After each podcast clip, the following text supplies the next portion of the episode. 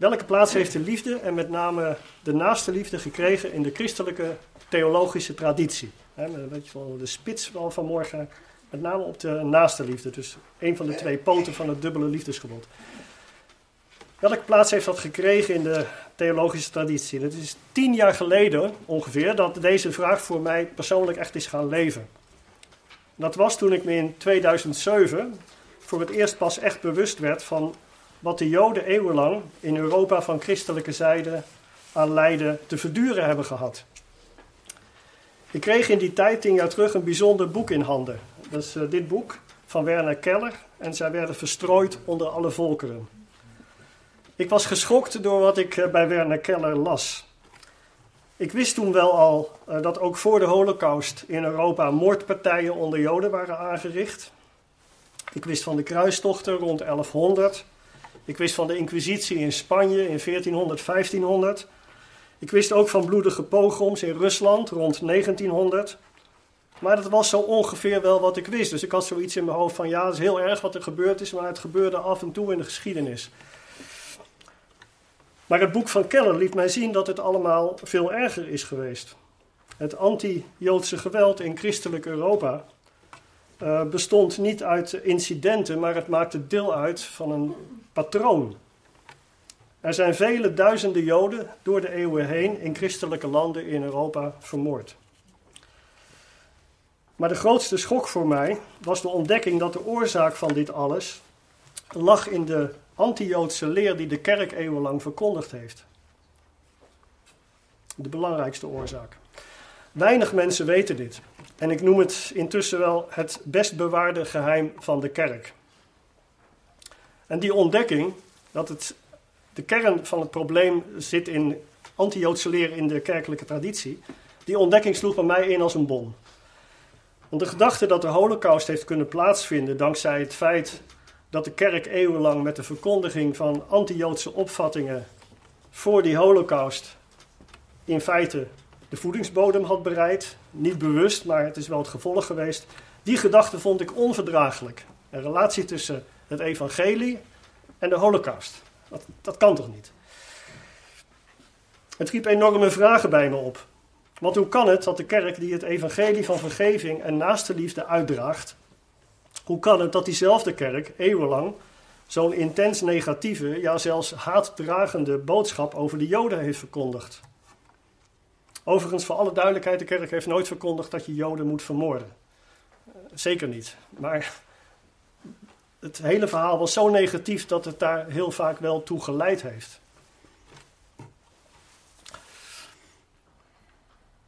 Eeuwenlang zijn Joden in tal van christelijke geschriften consequent negatief afgeschilderd. Als een hardnekkig ongelovig volk, als een volk van godsmoordenaars, als Satanskinderen. Ze werden beschuldigd van de meest gruwelijke praktijken. Dat gebeurde vooral heel veel in de middeleeuwen. Bijvoorbeeld, wat heel breed leefde, het, het idee dat Joden in het geheim christelijke kinderen slachten en offeren, uh, omdat ze het bloed daarvan nodig zouden hebben om matzes te maken. Complete laster, er is nooit ook iets van bewezen, maar het is heel vaak uh, is dat verhaal uh, rondgegaan. En dat leidde dan tot, tot rellen en, en, en moordpartijen onder Joden regelmatig. De gekste dingen kom je tegen als je je wat gaat verdiepen in die lasterpraatjes over Joden, in de, met name ook in de middeleeuwen. Hoe fel is die anti-Joodse houding in vredesnaam te rijmen met het gebod van naaste liefde? Dat is wel een grote vraag. Dat is echt een hele grote vraag. Dit kon onmogelijk de bedoeling van Jezus geweest zijn. Maar waar kwam het dan vandaan? Voor mij stond al snel vast dat er ergens in de 2000 jaar oude geschiedenis van de kerk iets heel erg misgegaan moet zijn. Noem het kortsluiting tussen wat God zegt en wat de kerk meende te verstaan. Het werd al snel duidelijk dat het in ieder geval heel veel te maken heeft met het idee van de kerk dat ze de plaats van Israël heeft ingenomen. De idee dat ongelovig en verhard Israël mislukt is, want ze wilden toch niet uh, in Jezus geloven. En dat God nu verder gaat met de kerk, het nieuwe Israël. Dat was ongeveer het verhaal. Deze gedachte leefde al breed in de tweede eeuw, dus vlak na Jezus en Paulus. Al heel snel, zo vroeg. Maar het probleem is natuurlijk dat het Nieuwe Testament zelf dit nergens leert. Dit vervangingsdenken is nog steeds niet volledig overwonnen in onze tijd. In mijn lezing van vorig jaar, het failliet van vervangingsdenken en de noodzaak van de nieuwe theologie over Israël. In die lezing heb ik uitgebreid bij deze vragen vorig jaar stilgestaan. Je kunt hem ook nog lezen op de website.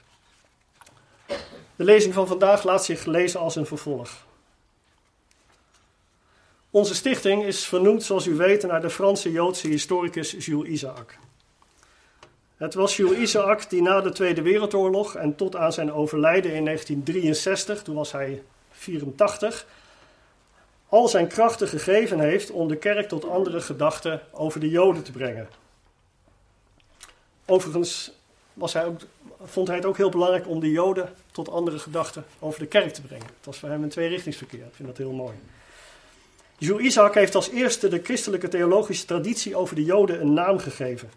In Nederlands vertaald luidt die de leer van de minachting.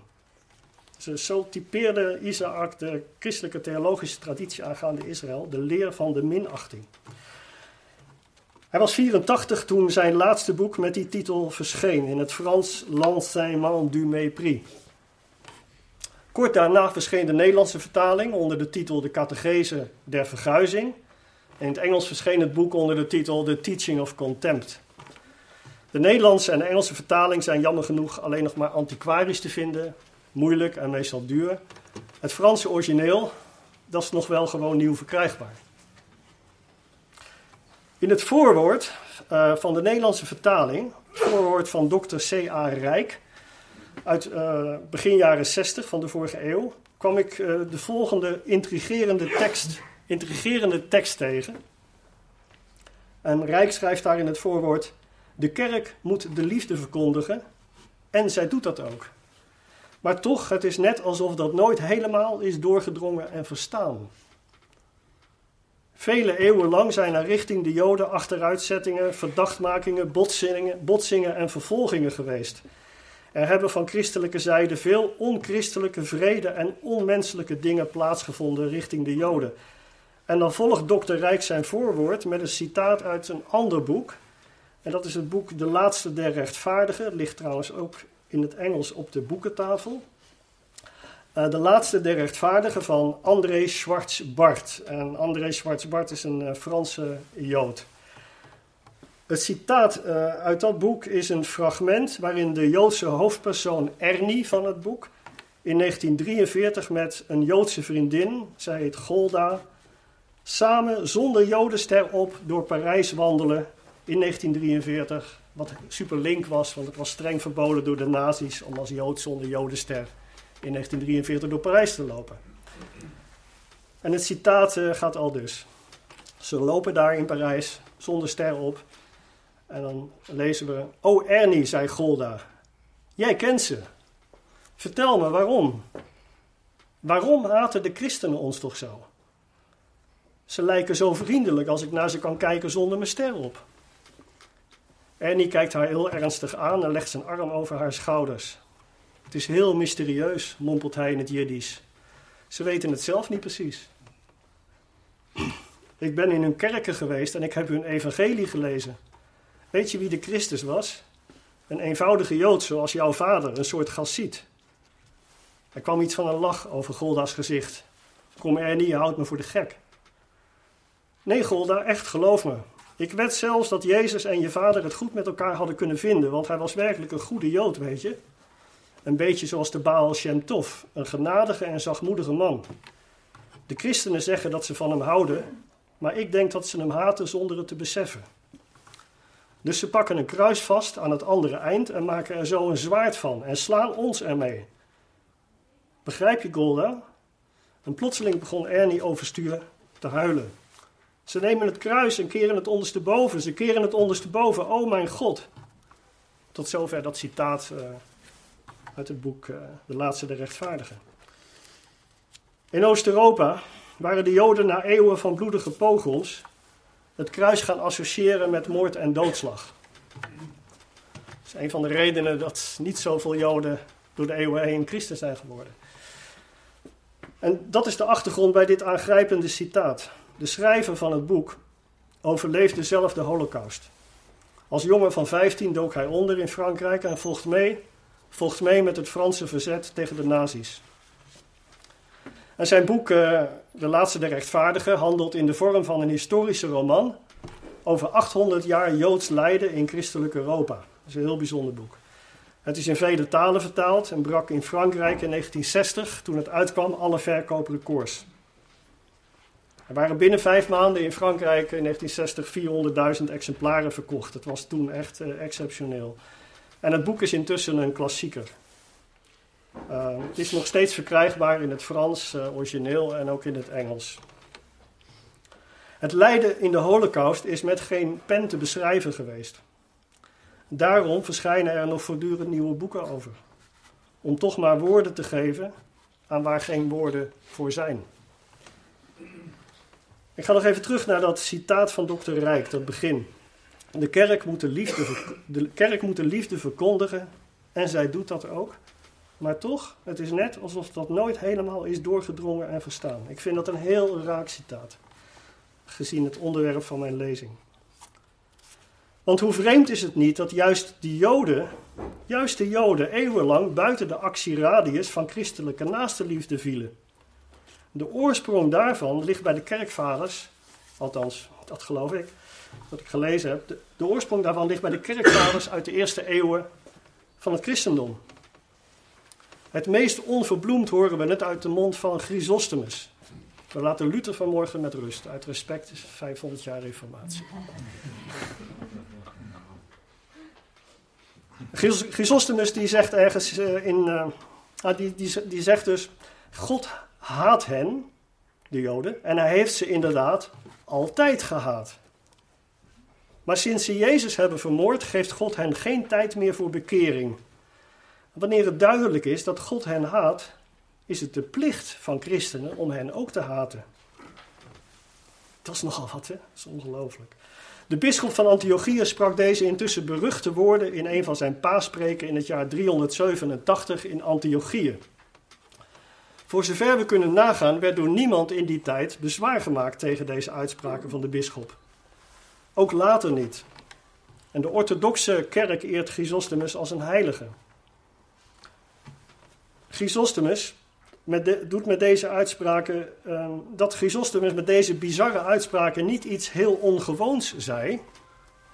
Let op, dat Chrysostomus met deze bizarre uitspraken niet iets heel ongewoons zei, werd mij duidelijk toen ik het volgende las in een recent verschenen nieuw boek over Jules Isaac.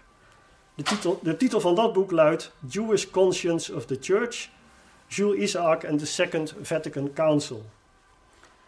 De schrijver Norman Tobias is zelf een Canadese Jood en in het voorwoord schrijft hij daar het volgende. Uh, de nieuwe leer van de Rooms-Katholieke Kerk maakte een einde aan een bijna 2000 jaar oude traditie binnen de kerk aangaande de Joden en het Judaïsme. Wat was die leer geweest? In één woord: God haat de Joden. Dat schrijft Tobias in zijn voorwoord in het boek over Jules Isaac. Dat een moderne Joodse auteur, die beslist niet vijandig staat ten opzichte van het christendom, de kerkelijke leer van eeuwen over de Joden typeert met God haat de Joden, spreekt wat mij betreft boekdelen. Er is geen polemiek dat hij daar bedrijft. Hij schrijft gewoon iets nuchter op zoals hij het als Jood na veel onderzoek gewoon ziet. Bisschop Chrysostomus leerde zijn gehoor in Antiochië dat christenen Joden moeten haten. Hiermee werden Joden vanaf de kansel met bisschoppelijk gezag in een uitzonderingspositie geplaatst, buiten het bereik van de christelijke naaste liefde. Althans, ik kan dat moeilijk anders lezen dan, dan zo. Dat is het probleem van, de, van het anti-judaïsme in de christelijke traditie. Want Chrysostomus stond natuurlijk niet op zichzelf. Hij is de meest extreme in deze uitspraak, meest, meest heftig, maar anti-Joodse uitspraken zijn legio bij alle kerkvaders. Er eigenlijk geen enkele uitgezonderd, voor zover ik weet. Het is een probleem in de christelijke traditie, dit anti-judaïsme. Laten we het een christelijk hartprobleem noemen. Het is de enorme schok van de holocaust geweest, die na de Tweede Wereldoorlog christenen eindelijk de ogen opende voor de gruwelijke gevolgen van deze leer van minachting. De holocaust bleek nodig. Ik, ik, heb geaarzeld of ik dit zou moeten zeggen of opschrijven. Ik denk, ik moet dat toch zeggen. De holocaust bleek nodig, dat zijn gevaarlijke woorden, om te ontdekken dat God nog steeds van de Joden houdt. Voor christenen bleek dat blijkbaar nodig. En dat christenen hen daarom als Joodse naaste behoren lief te hebben. De Jood ontdekt als naaste, na bijna 2000 jaar. Er begon een nieuw hoofdstuk in de geschiedenis van de kerk na de Tweede Wereldoorlog en het is nog bezig. En wij zitten er middenin. De dag van vandaag staat in het teken van de bijzondere plaats van de liefde in de Bijbel en in de christelijke traditie. En met name de bijzondere plaats van de naaste liefde. Een bijzondere plaats, want in het Nieuwe Testament noemt Jezus zelf de liefde voor God en de naaste het eerste en het grootste gebod. En we zijn er zo aan gewend om dat te horen en te lezen dat je er bijna niet meer wakker van zou worden. Maar als je er echt over na gaat denken, zegt, is, is dat, zegt dat heel veel. Het eerste en het grootste gebod, zegt Jezus zelf. Agape, dat is het woord dat de Bijbel voor deze liefde gebruikt. Heb je naaste lief als jezelf. Maar wat verstaat de Bijbel nu eigenlijk onder deze agape voor de naaste? De beste omschrijving vond ik zelf bij de Messiaanse Jood David Friedman. En die zegt: Agape, agape liefde is niet een intens emotioneel gevoel voor iemand, maar het is eerst en vooral zorgen voor het welzijn van je naaste, voor je medemens. Heel praktisch. Zo spreekt de Bijbel bijvoorbeeld vaak over omzien naar weduwen en wezen. Dat is heel concreet, heel praktisch. Jezus brengt hetzelfde op unieke wijze onder woorden in Matthäus 7, vers 12. Als hij zegt: Alles nu wat gij wilt dat u de mensen doen, doet gij ook hun al dus. Want dit is de wet en de profeten. Hier draait het om. Hier gaat het niet in de eerste plaats over het hebben van warme gevoelens. Hier gaat het om gericht het goede doen voor je medemens. We zien hetzelfde ook terug in het oordeel van de zoon des mensen in Matthäus 25, vers 31 uh, tot 46. Bij dat oordeel van de zoon des mensen, daar blijken alleen de daden van naaste liefde maar te tellen. Over geloof of ongeloof wordt daar zelfs niet eens gesproken. Ik zou hier nog aan willen toevoegen wat Paulus noemt in Romeinen 13, waar Paulus zegt: De liefde doet de naaste geen kwaad. Agape liefde is dus ook bepaalde dingen juist bewust niet doen.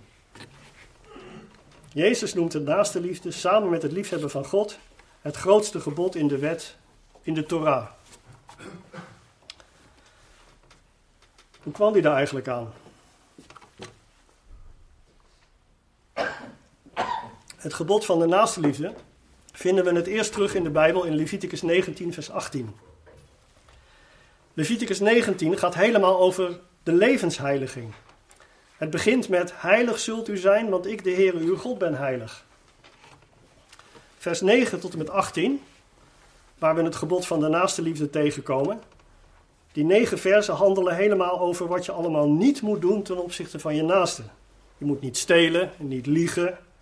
Een, een dagloner moet je niet op zijn loon laten wachten, die moet je meteen uitbetalen aan het eind van de dag geen oneerlijke rechtspraak plegen, etc. Dus levensheiliging heeft dus volgens Leviticus 19 alles te maken met hoe we omgaan met onze medemens. Het gebod van de naaste liefde is dus ingebed in de Torah. Het maakt deel uit van de Torah. En je moet het er niet los van gaan maken. Doe je dat wel, dan komt het gebod in de lucht te hangen. Dan wordt naaste liefde een zweverig begrip. Een soft verhaaltje. In de Torah vinden we wat God heel concreet verstaat onder het goede doen voor je naaste. En vervolgens krijgt het gebod juist in het Nieuwe Testament een, een enorme nadruk. Want het wordt veel vaker heel expliciet zo genoemd in het Nieuwe Testament dan in het Oude. Aan deze twee, liefde voor God en liefde voor de naaste, hangt de ganse wet en de profeten, zegt Jezus in Matthäus 22, vers 40. Dus Jezus voegt de liefde voor God en de liefde voor de naaste samen tot één gebod. En dat is later het dubbele liefdesgebod gaan, heten. Hij doet hetzelfde in Lucas 10 en in Marcus 12. Op dat handout, uh, toch maar zo noemen, staan al die teksten genoemd over de liefde. Je kunt het thuis nog eens goed doorpluizen. Nog even iets over liefhebben, over dat liefhebben als jezelf. Daar wordt ook nog alles een woord aan gewijd. Dan wordt er ook wel gezegd dat de Bijbel zou leren dat wij zouden moeten leren om van onszelf te houden. Nu is een gevoel van eigenwaarde en zelfrespect heel gezond en wenselijk. Maar daar gaat het in het liefdesgebod helemaal niet over. We zagen zojuist dat agape in de eerste plaats gericht is op het welzijn van je naaste. Concreet, praktisch. De Bijbel gaat er in principe, in principe van uit dat ieder mens normaal gesproken zonder aansporing van, natuur, zonder aansporing van nature voor zijn eigen levensbehoeften zorgt. Je eet, drinkt, kleed je en zorgt dat je een dak boven je hoofd hebt, als je, als je het kan regelen. Daar hoef je niet toe te worden aangespoord.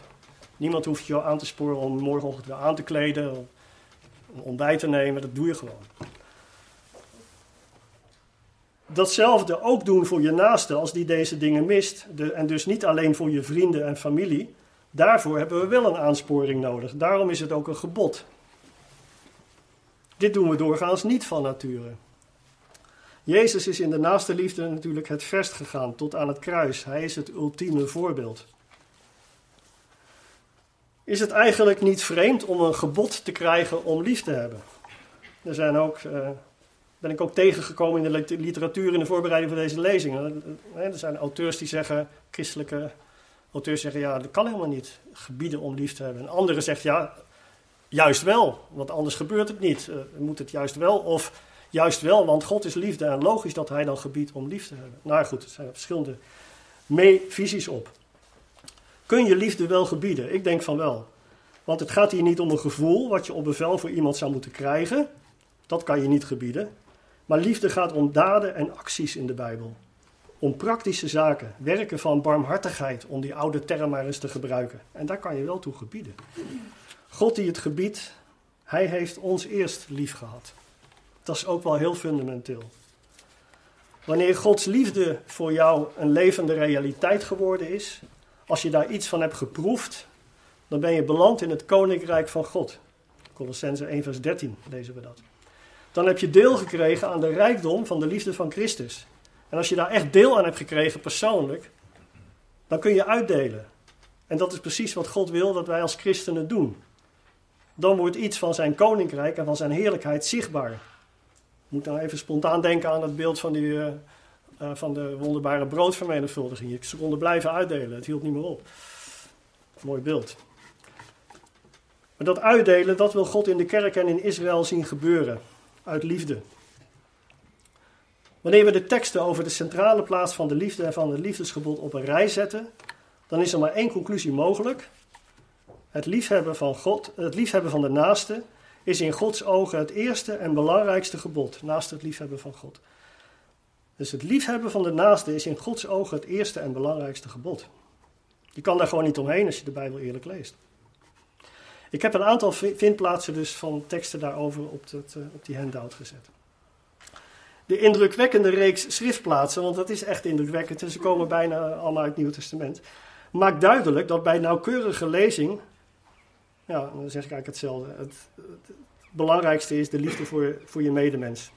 Het is het hoogste, het meest wezenlijke. En die naaste liefde is onlosmakelijk verbonden met de liefde voor God. Dat is ook wel een hele belangrijke, vind ik. Eh, in 1 Johannes, eh, die herhaalt het ook een aantal keren. Je kan niet zeggen, ik hou van God en je naaste niet lief hebben. Kan helemaal niet. Dat is compleet jezelf voor de gek houden. Het hoort helemaal bij elkaar. Als je van God houdt, moet je je naaste lief hebben. Het is een package deal, zeggen ze dan. Het christendom is bedoeld als een beweging waar de liefde voor God en medemens het wint van al het andere dat in een mensenhart kan opkomen. Althans, dat zou de bedoeling zijn. Dat de liefde het wint van al het andere dat in een mensenhart kan opkomen. Hoe positief is dat? En hoe wenselijk en nodig is een dergelijke beweging? Niet in een wereld die ten onder dreigt te gaan aan haat, angst en plat kortzichtig egoïsme en wat iets meer zijn. De liefde voor de naaste die krijgt in het Nieuwe Testament, ik noemde het zo even ook al, een nadruk die je in die mate niet tegenkomt in het Oude Testament. En daar kan je ook weer van alles van gaan denken en conclusies uittrekken. Dat kan je trouwens heerlijk vervangingstheologisch uh, uitleggen, zoiets. Van ja, kijk, de genade, ik kom helemaal in beeld in het Nieuwe Testament. En de wet, ja, dat is echt een, iets waar we helemaal uh, niet uit kunnen leven. Nee. Dat zou een trieste uitleg alweer zijn. Dus het krijgt wel in het Nieuw Testament een nadruk die je niet tegenkomt in het Oude. En het dubbele liefdesgebod, dat zowel Jezus als zijn gesprekspartners in de Evangelie het grootste gebod in de Torah noemen, komt ook in die gecombineerde vorm, uh, niet in het Oude Testament zelf voor. Niet in die gecombineerde vorm. Misschien komt het in het Nieuw Testament wel veel vaker voor, omdat de heidenen die tot geloof zouden gaan komen, dat liefdesgebod nog veel nadrukkelijker moesten horen dan de Joden. Dat zou zomaar kunnen. Want de Joden waren immers al eeuwenlang, anders dan de heidenen, vertrouwd met de Torah, waar de liefde in, in, in verweven is. En de liefde is de vervulling van de Torah, zegt Paulus. Het zou zomaar kunnen dat het daarom veel meer in het Nieuwe Testament staat. Wie zal het zeggen? Ik wil één belangrijke schriftplaats lezen dan toch uh, over, over het dubbele liefdesgebod. Dat is Matthäus 22, 36 tot en met 40. Heel bekend. Meester, wat is het grote gebod in de wet? Jezus zei tot hem: Ge zult de Heer uw God liefhebben met geheel uw hart en met geheel uw ziel en met geheel uw verstand. Dit is het grote en eerste gebod. Het tweede daaraan gelijk is: Ge zult uw naaste lief hebben als uzelf. En aan deze twee hangt de ganse wet en de profeten. Wat Jezus hier doet, is dat hij twee schriftplaatsen uit de Torah samenvoegt. Deuteronomium 6, vers 5 en Leviticus 19, vers 18. En Jezus was niet de eerste die dat deed. Hij kwam hier niet met iets volkomen nieuws in zijn tijd. Jezus sloot, sloot hier aan bij een ontwikkeling die toen al een paar eeuwen bezig was binnen het Jodendom. Een ontwikkeling waarin een steeds grotere nadruk op de liefde voor God en het naaste gelegd werd. Wie daar meer over wil weten, verwijs ik graag naar mijn uh, artikel uit 2013, het dubbele liefdesgebod in Jodendom en Christendom.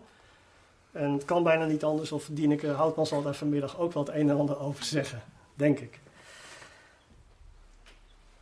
Die nadruk op de liefde in het Nieuwe Testament kwam dus niet zomaar uit de lucht of de hemel vallen. Um, Jezus die, die ontwikkeling van die nadruk op de liefde is door en door joods te noemen. Jezus sluit aan bij de ontwikkeling, bij die ontwikkeling als hij zegt dat heel de wet en de profeten aan het liefdesgebod hangen. En ook Paulus doet dat als hij zegt in Romeinen 13 dat de liefde de vervulling van de wet is, van de Torah.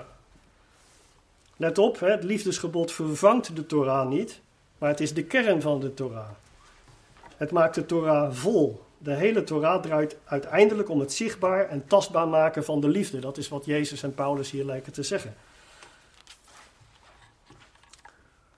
Je zou dan verwachten dat de enorm sterke nadruk die het liefdesverbod heeft gekregen in het Nieuwe Testament natuurlijk wordt teruggevonden met diezelfde nadruk in de christelijke theologische traditie, in de dogmatische handboeken, in catechese-materialen en wat dies meer zijn, uiteindelijk ook in prediking. Vreemd genoeg is dat niet het geval. Vreemd genoeg is dat niet het geval. En dat is natuurlijk een hele serieuze kwestie. Als iets wat zo centraal staat en zo wordt benadrukt wordt in het Nieuw Testament, niet in diezelfde mate centraal staat in de christelijke theologische traditie. De liefde van God en de liefde voor God en de liefde voor de naaste, alle drie, alle drie krijgen in de regel in de theologische traditie, christelijke theologische traditie, in de regel naar verhouding weinig aandacht. En het wordt ook zelden als een probleem gezien. 1 Johannes 4 leert ons dat God liefde is, agape. Johannes noemt dit uh, in 1 Johannes tot tweemaal toe. Het is maar goed dat dat erin staat. Dit is een heel fundamenteel statement. Niet, er staat niet van God uh, een van de eigenschappen van God is liefde. Nee, er staat God is liefde. Je kan het overigens niet omdraaien, liefde is God. Maar God is liefde. Met andere woorden, nou ja goed, niks met andere woorden. Ik zal mijn eigen tekst maar volgen, dat zeg ik veel te veel. Liefde is niet maar één van de vele eigenschappen van God, naast bijvoorbeeld heiligheid en rechtvaardigheid. Maar door te zeggen God is liefde, wil Johannes duidelijk maken dat de agape liefde dat is wat God het meest karakteriseert. Agape-liefde is de kern van Gods wezen. Dat betekent bijvoorbeeld dat aan zijn heiligheid, aan zijn rechtvaardigheid, aan zijn genade en ja zelfs ook aan Gods toren dat aan dat alles zijn heilige liefde ten grondslag ligt. Want dat is de kern van wie hij is. Het is zijn diepste drijfveer, Gods diepste, Gods fundamentele karaktertrek. God schiep alles uit liefde, kan je dan zeggen. Hij verkoos Israël uit liefde. Hij verloste Israël uit Egypte uit liefde. Ja, natuurlijk ook tot eer van zijn naam, maar dat, is allemaal, dat hoort allemaal bij elkaar. Ik denk als God zijn naam wil eren, dan doet hij dat in daden van. Dan wil hij dat doen in daden van liefde, daden van zegenen. Hij gaf zijn zoon uit liefde.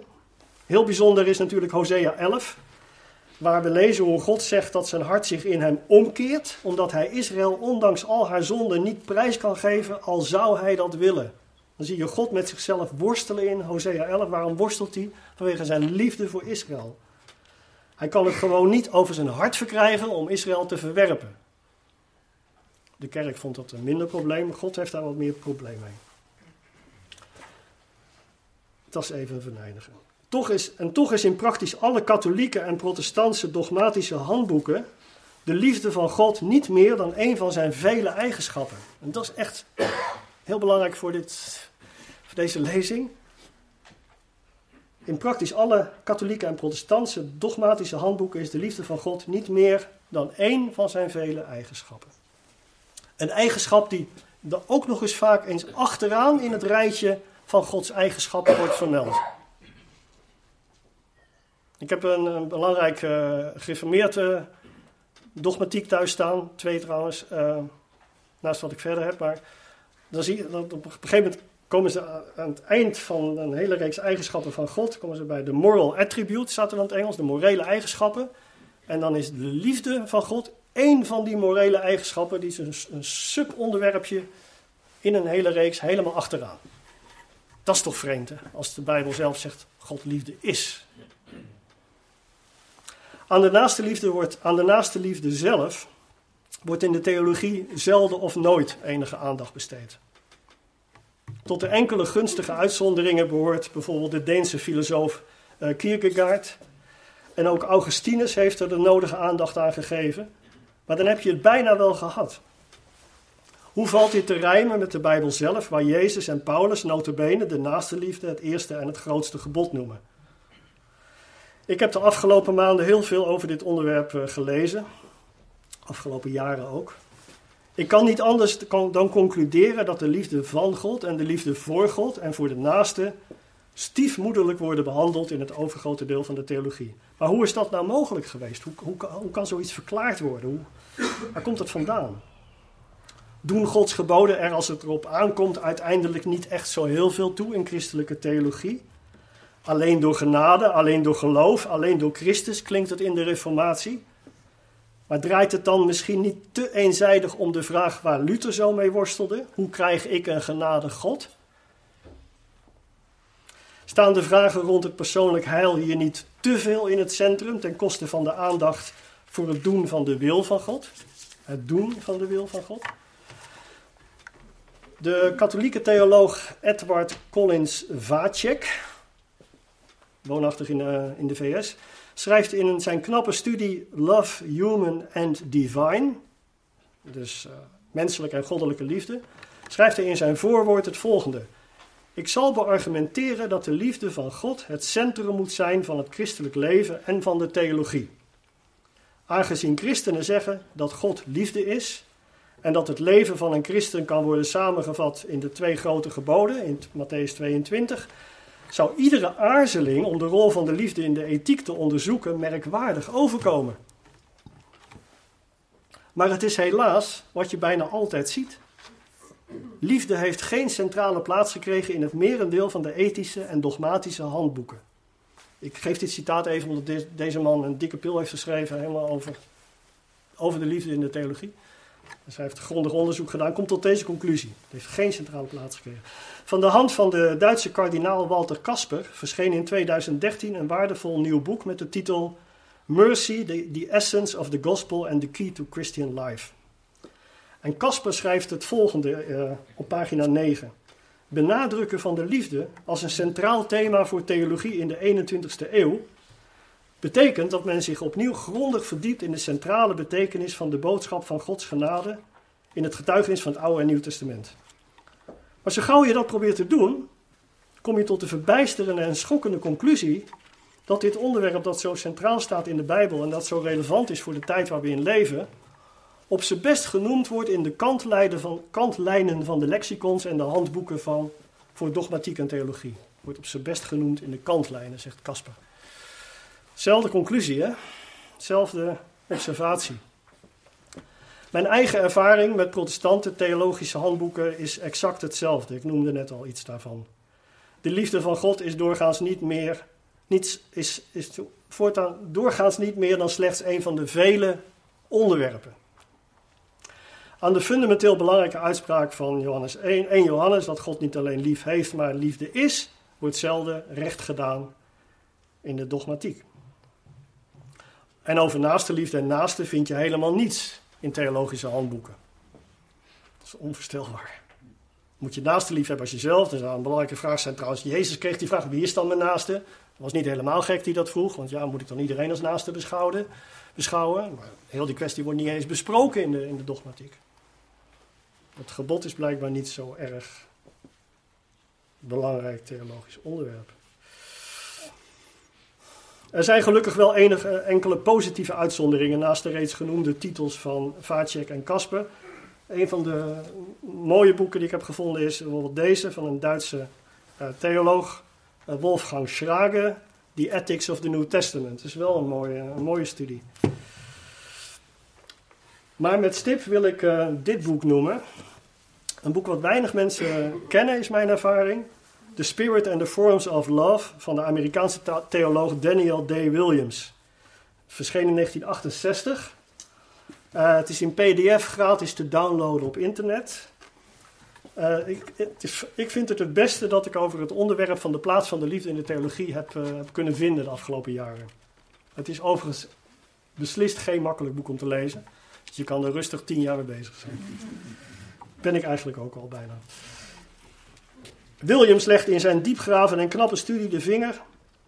Hij legt de vinger bij een heel fundamenteel punt voor het onderwerp van vandaag.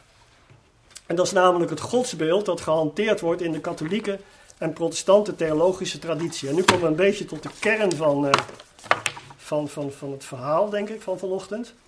Het godsbeeld dat wordt gehanteerd in de, in de christelijke theologische traditie.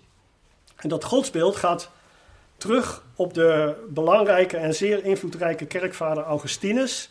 Die leefde rond het jaar 400. Niet alleen op hem, maar voor een belangrijk deel wel op hem. Hoewel Augustinus in zijn theologie veel aandacht geeft aan de liefde, betoogt Williams dat het godsbeeld van Augustinus desondanks vertekend is door het Griekse denken. Die invloed van de Griekse filosofie, met name van het Neoplatonisme, een onderdeel van de Griekse filosofie uit die tijd. De invloed van die filosofie is er volgens Williams de oorzaak van geweest dat het Bijbels getuigenis van Gods openbaring in het Oude en Nieuw Testament onvoldoende recht is gedaan in de theologie van Augustinus. En dat heeft grote gevolgen gehad volgens Williams, omdat zowel de rooms-katholieke als de protestante theologische traditie allebei sterk leunen op Augustinus. En nog steeds is zijn invloed groot in de theologie. De invloed van het neoplatonisme, van dit Griekse denken, op het denken van Augustinus ziet Williams als de grondoorzaak, de belangrijkste oorzaak van de marginale plaats van de liefde in de christelijke theologische traditie. En met de gevolgen daarvan hebben we tot de dag van vandaag te maken. Williams legt zijn, in zijn boek dus de vinger bij de grote invloed van het Griekse denken in de ontwikkeling van de christelijke theologie door de kerkvaders van de eerste vier eeuwen. Augustinus is, zoals ik al zei, de belangrijkste en meest invloedrijke onder hen. De invloed van dat Griekse denken in die tijd is overigens niet alleen maar negatief geweest. Het is best de moeite waard om Aristoteles en Plato te lezen, ik noem maar wat. Het is niet alleen maar negatief geweest, die invloed. Bovendien was die invloed onvermijdelijk. Het was nu eenmaal het gangbare denken in de Romeins-Griekse beschaving van die tijd. Welke invloed moesten ze anders als niet-Joden? Uh, onder die invloed stond iedereen die als intellectueel nadacht in die tijd. Maar het is uh, te ver doorgeschoten. Het is uh, Dat heeft het Bijbels getuigenis te veel overschaduwd volgens Williams. Ik laat twee citaten van Williams uh, lees ik voor. Die staan ook op die handout, omdat ze nogal pittig zijn, vind ik zelf. Um, dus u kunt ze nog eens opnieuw nalezen, u kunt ook meelezen. Het eerste citaat van al dus. Williams zegt dan: De apostel Paulus maakte gebruik van religieuze symbolen die bekend waren in de wereld van de Griekse religie. In dat spoor gingen ook de theologie van de kerkvaders, die naar wegen zochten om voor het christelijk geloof gebruik te maken van manieren, gebruik te maken van manieren waarop in de Griekse filosofie over God werd gesproken. Zo komt het dat de hoofdstructuur van de christelijke theologie, zoals die uiteindelijk onder woorden is gebracht in de grote geloofsbelijdenissen van de kerk, zo komt het dat die hoofdstructuur laat zien dat het bijbelse geloof in God was samengesmolten met het neoplatonisme. En het neoplatonisme leerde dat God gelijk is aan het absolute zijn. Dat was een, een, een begrip in het Griekse denken. God is het absolute zijn. Williams werkt elders in zijn boek dan uit dat dit Griekse filosofische begrip van God als het absolute zijn een diep een negatieve, diep ingrijpende invloed heeft gehad op het godsbeeld, zoals dat vorm heeft gekregen in de christelijke traditie. Want het idee van God als het absolute zijn leidde onder meer tot ideeën als dat God buiten, of zo u wilt, boven de tijd zou staan. Dus in zekere zin buiten de menselijke geschiedenis zou staan. God zou ook als het absolute zijn wat daar buiten staat niet kunnen leiden. Hij zou ook geen emoties kennen in dat Griekse uh, denk, godsbeeld. Dat zou allemaal veel te menselijk zijn. God kan niet geraakt worden door wat er hier op aarde gebeurt. Hij zou daar allemaal letterlijk boven staan. Niet kunnen lijden, um, onveranderlijkheid, buiten de tijd staan. Dat soort begrippen werden, uh, en eigenschappen werden in het Griekse denken geassocieerd met volmaaktheid. En voor Augustinus stond het vast als gelovige als bijbelgelovige dat de God van de Bijbel volmaakt is. Daar had hij natuurlijk gelijk in. Het probleem zit hem hierin dat hij de Griekse opvatting over volmaaktheid uit het Neoplatonisme op de God van de Bijbel heeft geprojecteerd. Onbewust waarschijnlijk. Hij nam deze Griekse ideeën over volmaaktheid mee in zijn nadenken over de Bijbelse openbaring. Maar een dergelijk beeld van God die buiten de tijd staat en die zich niet laat raken wat, door wat er op aarde gebeurt, staat op gespannen voet met het Bijbels getuigenis. Lees bijvoorbeeld in, in Jezaja 63 vers 9, waar uh, staat in al hun benauwdheid was hij ook benauwd. Dat laat een heel andere God zien. Williams, Williams betoogt dan dat een dergelijk godsbeeld uiteindelijk niet verenigbaar is met het Bijbels getuigenis dat God liefde is. En dat is heel fundamenteel. Want al onze ideeën als christenen over liefde en laten liefde winnen, et cetera, die hebben hun uh, diepste grond en diepste wortels in het feit dat wij geloven dat God liefde is. Wat hij in Jezus heeft laten zien op uh, overtuigende, bijzondere wijze. Um, maar William zegt dat godsbeeld uit het Griekse denken is niet verenigbaar met het Bijbels getuigenis dat God liefde is. En dan heb je wel een probleem als je die twee samen bij elkaar wil uh, brengen in je denken. Wat Augustinus dan, als ik het allemaal goed begrijp, heeft geprobeerd. Volgens Williams is liefde namelijk per definitie niet los te zien van de mogelijkheid dat de ander die jij lief hebt jou raken kan. En dan zijn er ook emoties in het spel. Als dat niet het geval is, kan je volgens Williams niet spreken van liefde. Als je niet kan lijden aan wat, als je niet kan lijden aan wat er gebeurt met degene die je lief hebt. Als God totaal niet zou kunnen, op geen enkele manier zou kunnen lijden aan wat er gebeurt met Israël bijvoorbeeld, of met zijn kerk. Williams zegt dan, dan kan je niet echt van liefde spreken. Dat is een opvatting. Mag u, het zijn, mag u van denken wat u wil. Ik, ik, ik ga met hem mee zelf. We zien het bijvoorbeeld in de bewogenheid van Jezus in tal van situaties in de evangeliën. We zien bijvoorbeeld dat Jezus huilt als hij, als hij hoort dat zijn vriend Lazarus gestorven is. Diezelfde Jezus zegt op een ander moment: Wie mij ziet, heeft de Vader gezien. Zoals ik ben, zo is God. We zien die bewogenheid van God dus ook in, in Hosea 11, wat ik eh, net ook al noemde. Dat God kan worstelen met de uh, rebellie van Israël. Dat hij Israël zou willen prijsgeven, maar hij kan het niet. Hij kan het niet over zijn hart verkrijgen. Is dat geen emotie? Hij heeft Israël lief. Kan je dat loszien van emotie? Ook al is het natuurlijk een heilige emotie, een heilige liefde. Alles aan God, alles aan God is heilig en volmaakt, ook zijn liefde. Nog één citaat van Williams in verband met dit alles. Williams zegt dan op een gegeven moment: Als je, hier, uh, als je, als je het zo gaat zien, als je dingen zo gaat zien, dan opent zich een radicaal nieuwe mogelijkheid, zegt hij, voor de theologie. Dat is de interpretatie van de liefde van God, waarin God daadwerkelijk betrokken is in de tijd en wat zich in de tijd afspeelt. In deze opvatting over het wezen van God is het mogelijk, zegt Williams, om een nieuw idee te ontwikkelen over het verband tussen liefde en lijden en na te denken over wat het betekent dat God actief handelend betrokken is in de geschiedenis. We hebben eerder opgemerkt dat er in het overgrote deel van het christelijk denken, zegt Williams, sprake is van een conflict, een spanningsveld. Dat is het spanningsveld tussen enerzijds de bijbelse kijk op God als de God die schept en verlost en die handelend betrokken is in de geschiedenis van zijn schepping. Dat is uh, de bijbelse kijk op God.